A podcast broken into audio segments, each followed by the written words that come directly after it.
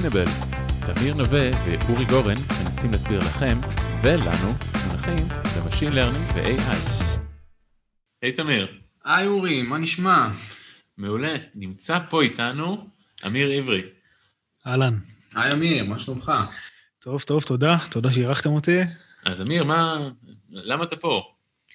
אז uh, אני פה כדי בעצם uh, לספר קצת על הניסיון שלי בדוקטורט, לחשוף uh, כמה מחקרים מעניינים, ובעיקר לשתף את קהילת ה deep learning בדברים שעשיתי בשלוש שנים האחרונות. אז מי שלא מכיר, אמיר הוא, מעבר לזה שהוא אחלה בן אדם, הוא גם co-author של Deep Learning Interviews, יחד עם שלמה קשני, אבל היום הוא מדבר איתנו על משהו אחר לגמרי, הוא מדבר איתנו על המחקר שלו בתחום ה speech. מה ה title של הדוקטורט שלך?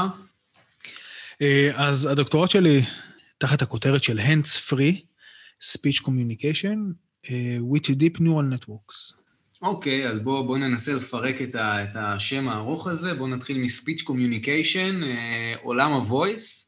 אה, איזה, איזה בעיות יש בכלל בעולם ה-voice? יש אה, יותר משניתן לספור על עשר אצבעות. אה, עולם ה-voice הוא מלא בבעיות שהיום הם אה, המיקוד של הרבה מהחברות הטכנולוגיות הגדולות בעולם.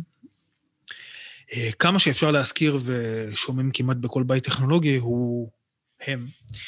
voice activity detection, בעצם היכולת להבין מתי יש דיבור אנושי ומתי לא. speech enhancement, שזה היכולת לבטל רעשים ומסיחים ולהישאר רק עם הדיבור הרצוי. Speech ו-speaker recognition, פשוט לדעת אה, אה, לזהות מי מדבר, לזהות מה הוא אומר, וכמובן גם speech separation ו-speech diarization, שזה להבין אה, מי אומר מה ומתי, שזה מאוד מאוד שימושי למשל לטרנסקריפשן של conference uh, calls. כאשר speech separation זה הפרדה בין, ה... בין המילים או בין הדוברים? זה בין הדוברים. Mm-hmm. אוקיי, אז, אז הבנו מה זה ה-speech communication, עכשיו מה זה ה-hands free ב-hands free speech communication?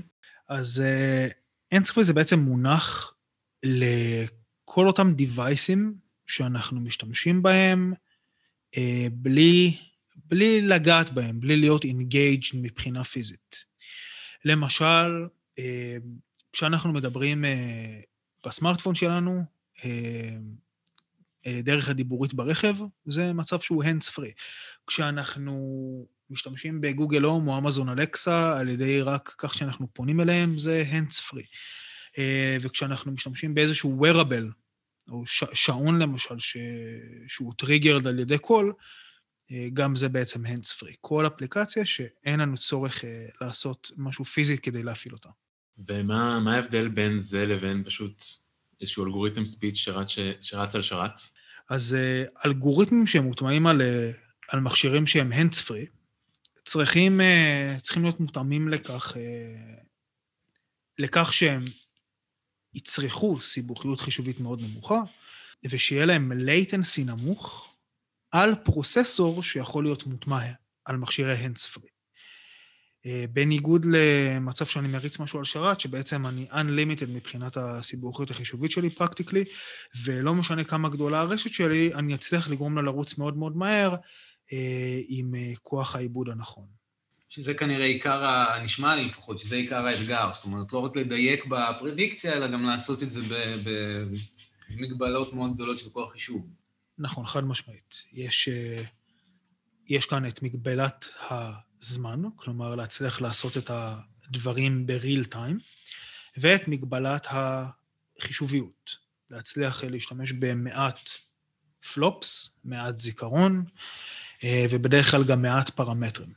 אז אה, איך זה עובד? זה בעצם כמו כל רשת גדולה שעושים? פשוט עושים pruning, או quantization, או student teacher distillation, זה, זה הטכניקות שעושים גם פה? אה, אז בעצם זאת שיטה אבל זאת לא השיטה שאנחנו משתמשים בה.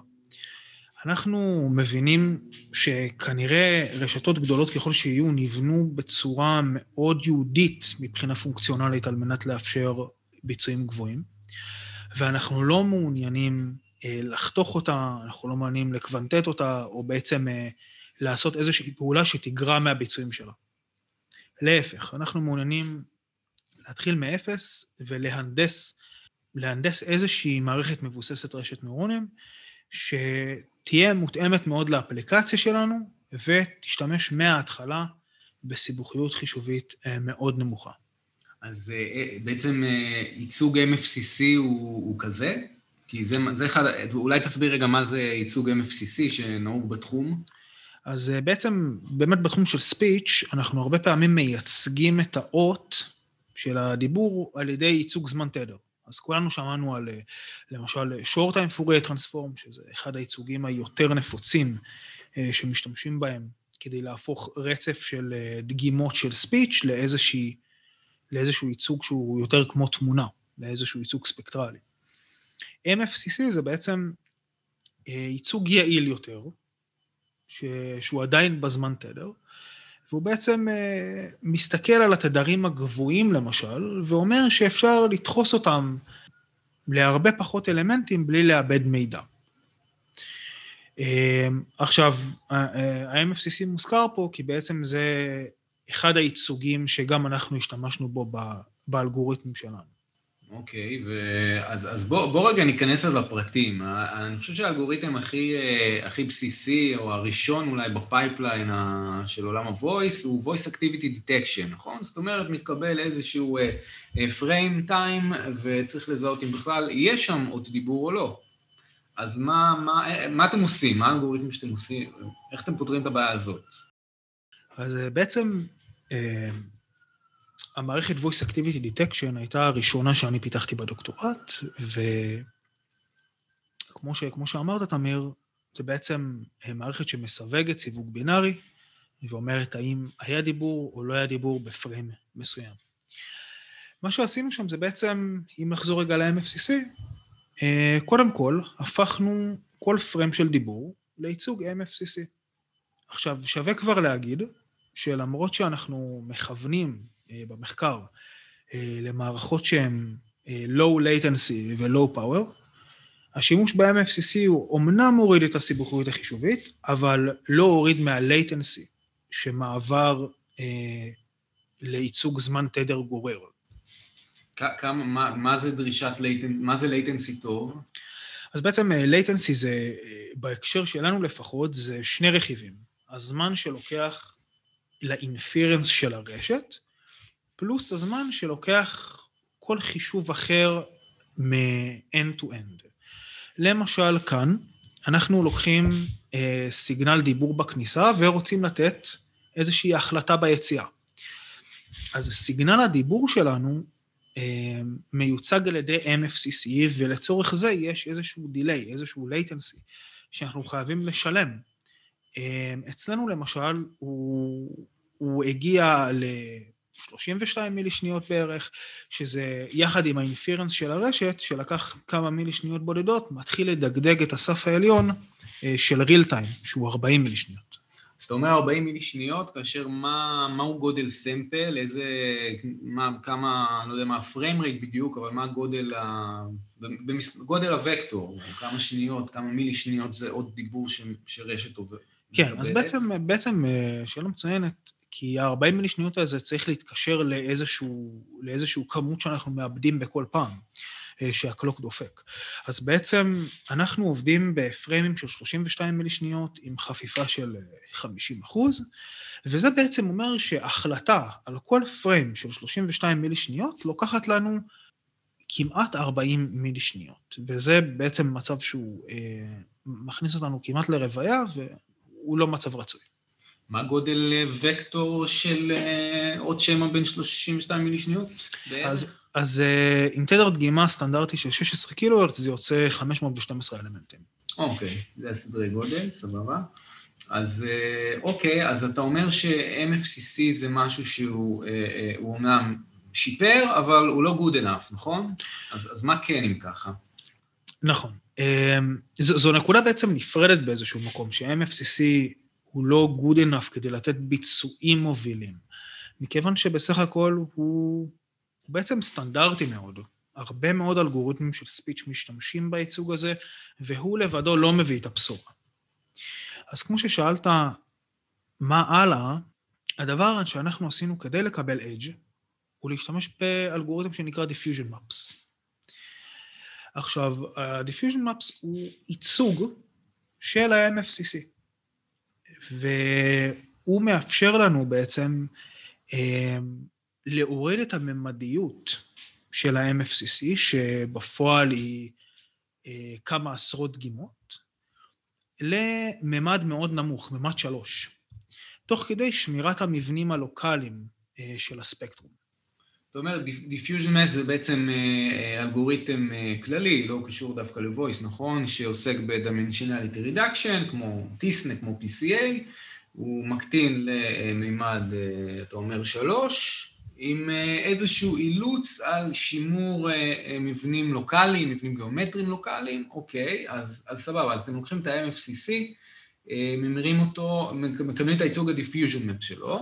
נכון. ולמה זה טוב ליהודים? אז בעצם זה טוב לנו כעם היהודי, כי פשוט ה-diffusion maps הזה הוא עוד דרך לייצג את ה...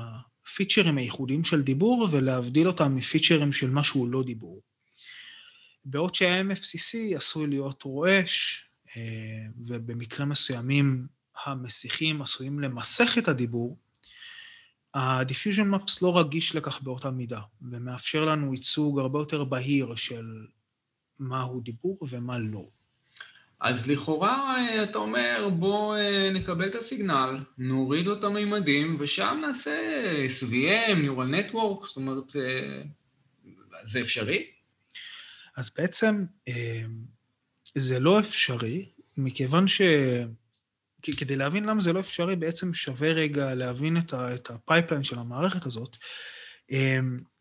Diffusion Maps זה לא איזשהו אלגוריתם שמפיק פונקציה, כלומר, אנחנו לא יכולים למצוא את ה-diffusion maps של איזשהו ספקטרום של דיבור, ואז לצפות שכשיגיע ספקטרום חדש, אנחנו נדע ישר את ה-diffusion maps שלו על ידי inference של איזושהי פונקציה שנלמדה מראש. תקן אותי, זה בעצם כמו t-SNE. t-SNE יודע לקחת database שלם ולהוריד לכולו מימדים, אבל הוא לא יכול את אותה טרנספורמציה לעשות לדגימה חדשה, כי אין לו בצורה מפורשת את הטרנספורמציה. בדיוק, זה בעצם פועל ב batchים, ושווה להגיד שההבדל בין diffusion maps ל- t-SNE זה בעצם אה, איך ש diffusion maps מגדיר קרבה בין frameים אה, בממד כן. הגבוה, בעצם איך שהוא משמר מבניות באופן די ייחודי. סבבה, אז, אז אתה אומר, אנחנו מצאנו פה אה, חתיכת אה, בוננזה, אנחנו מצאנו שאם אנחנו עושים את ה classification על ה-diffusion maps, פתרנו את הבעיה, אבל, אבל זה לא באמת פותר את הבעיה, כי, מה, מה, כי, כי אנחנו לא יכולים להפעיל את זה ב real time. אז מה בכל זאת הטריק שאתם עושים? באמת, הבעיה כאן היא, כמו שאתה אומר, אה, לדעת לסווג ב real time. וכדי לעשות את זה, ולהיעזר ב-diffusion maps, אנחנו משתמשים בארכיטקטורת רשת נוירונים ש... אה, שהיא מסוג של auto-encoder עם אילוץ על שכבת ה encoding. אמ, ומה שבעצם קורה שם זה שאנחנו נותנים ל auto-encoder הזה בכניסה את הספקטרום, וגם ביציאה כמובן, כי ככה פועל, אה, פועלת הפונקציונליות של אוטו-אינקודר. אולי רגע באמת נחדד, האוטו-אינקודר למי שלא יודע, זה בעצם שתי רשתות, אנקודר ואחריו דקודר, כאשר מאמנים את הרשת הזאת שתוציא את מה שהיא הכניסה, אבל מאלצים אותה באמצע לצמצם את המידע, מה שמחייב אותה אה, להעיף את המיותר ולהישאר רק עם החשוב. נכון. אז by default auto-encoder עושה denoising אם אין לו איזשהו אילוץ על שכבת ה encoder. אצלנו, אה, אנחנו הבחנו בכך שזו בעיה. מכיוון שאם אין אילוץ על שכבת ה encoder, אנחנו נמצאים במצב, אה, במצב אה, שאין לנו אינפורמציה נוספת פרט ל-MFCC כדי להפריד דיבור מלא דיבור. ואילצנו את שכבת ה encoder להיות שווה ל-diffusion maps של שכבת הכניסה. זאת אומרת, אתה אומר, לא רק אימנו autoencoder אה, לקבל MFCC ולהחזיר, ולהחזיר MFCC, אלא בדרך לעבור דרך הייצוג diffusion maps של אותו MFCC, ולמה זה טוב? כי כבר ראינו שכשאנחנו ב-MFCC קל לנו להפריד בין דיבור ללא דיבור. אנחנו ב-diffusion. כן. כשאנחנו ב-diffusion maps קל לנו להפריד בין דיבור ללא דיבור, נכון. כשעשינו את זה offline ראינו שבעצם הייצוג של diffusion maps לדיבור הוא מאוד אה, ברור ושונה מאשר מה שלא דיבור. אז אה, ידענו שהטכניקה הזאת היא אה, אחת שאנחנו צריכים אה, להצליח להביא ב-real time, והשימוש ב-autoencoder בעצם, אם, אם נחשוב על זה, אפשר לנו את זה, מכיוון שעכשיו הרשת לומדת את הקשר בין הספקטרום ל-diffusion maps, ובזמן אמת אנחנו יכולים פשוט לשרשר data חדש לתוך הרשת. וואו, מדהים, טריק ממש מגניב. תקן אותי אם אני טועה, ה-diffusion maps זה בעצם טרנספורמציה לא לינארית, נכון? נכון. ובעצם אתם מקרבים את אותה טרנספורמציה הלא לינארית, הלא ידועה הזאת, באמצעות אה, רשת נוירונים. נכון. אה, כשאומרים את זה ככה, זה באמת, אה, זה באמת מפשט את הרעיון. ואם ככה, יש לנו פה בעצם איזושהי רשת נוירונים שמאפשרת לנו עבודה עם ה-diffusion maps ב-real time, ו... ועכשיו רק נותר כנראה להבין איך זה עוזר לנו לסווג דיבור מלא דיבור. אוקיי, אז איך? בעצם מה שקורה כאן זה שאם נחשוב על זה, אנחנו נכניס ב-real time ספקטרום לתוך הרשת הזו ונצפה לקבל את ה-diffusion map שלה אחרי ה-encoding. אבל אמ, לצערנו אין לנו למה להשוות את השערוך הזה. אין לנו את ה-ground truth של ה-diffusion maps. לכן אנחנו צריכים באמת להשתמש בדיקודר שמוזן על ידי ה-Diffusion Maps ומוציא שערוך לכניסה. אם אנחנו בעצם אה, אה, נסתכל על מוצא הדיקודר, אנחנו יכולים להשוות אותו למה שהוא היה באמת, כניסת הרשת. ובעזרת ההשוואה הזאת בין הכניסה ליציאה, אנחנו יכולים להסיק אם היה כאן דיבור או לא היה כאן דיבור. כאשר בסופו של דבר, מה, זאת אומרת, ה-classifier שלכם הוא עובד על ה... מקבל את המוצא של ה-decoder, והוא classifier של SVM אמרת מקודם, אז בעצם... שמחליט דיבור לא דיבור. אז, אז בעצם הוא מקבל את השגיאה. אה, השגיאה האוקלידית בין המוצא לכניסה של ה-autoencoder, אמ. ובעצם יוצר מין מפת שגיאות כזאת, שעליה פועל, פועל מסווג SVM, שמפריד בשלב האימון בין דיבור ללא דיבור. זאת אומרת שבעצם יש פה שני אוטו-אנקודרים, אחד לדיבור, אחד לא לדיבור. נכון. ביניהם יש שגיאה, זאת אומרת, בהנחה וזה דיבור מובחן, אז זה יהיה כנראה יותר קרוב לציר אחד, אם זה ממש אה, צפירה של מכונית, זה יהיה קרוב לציר שונה. נכון. ויש לנו מטריקה כזו של השגיאה ביניהם, או הסכמה ביניהם, ועל זה מאומן ה-classifier. נכון. בעצם זה מדויק, יש, יש שני autoencoder-ים שמאומנים באופן בלתי תלוי, אחד מקבל אה, דיבור והשני רק לא דיבור, והם לומדים את, ה, את הקשר בין שני ה-class-ים האלה בשלב הראשון. בשלב השני, שהוא עדיין שלב אימון, אנחנו מכניסים פנימה אה, סיגנלים משני הקלאסים, בד בבד לתוך שתי הרשתות, ואז מסתכלים על השגיאה של כל רשת, שכל רשת מייצרת בין המוצא שלה לאותה כניסה משותפת. ואז אנחנו יכולים לייצר באמת איזשהו error map אה, דו-ממדי, בציר אחד השגיאה של הרשת הראשונה, בציר אחד השגיאה של הרשת השנייה. ואז אנחנו מאמנים על ה-error map הזה SVM שמפריד בין שני הקלאסים.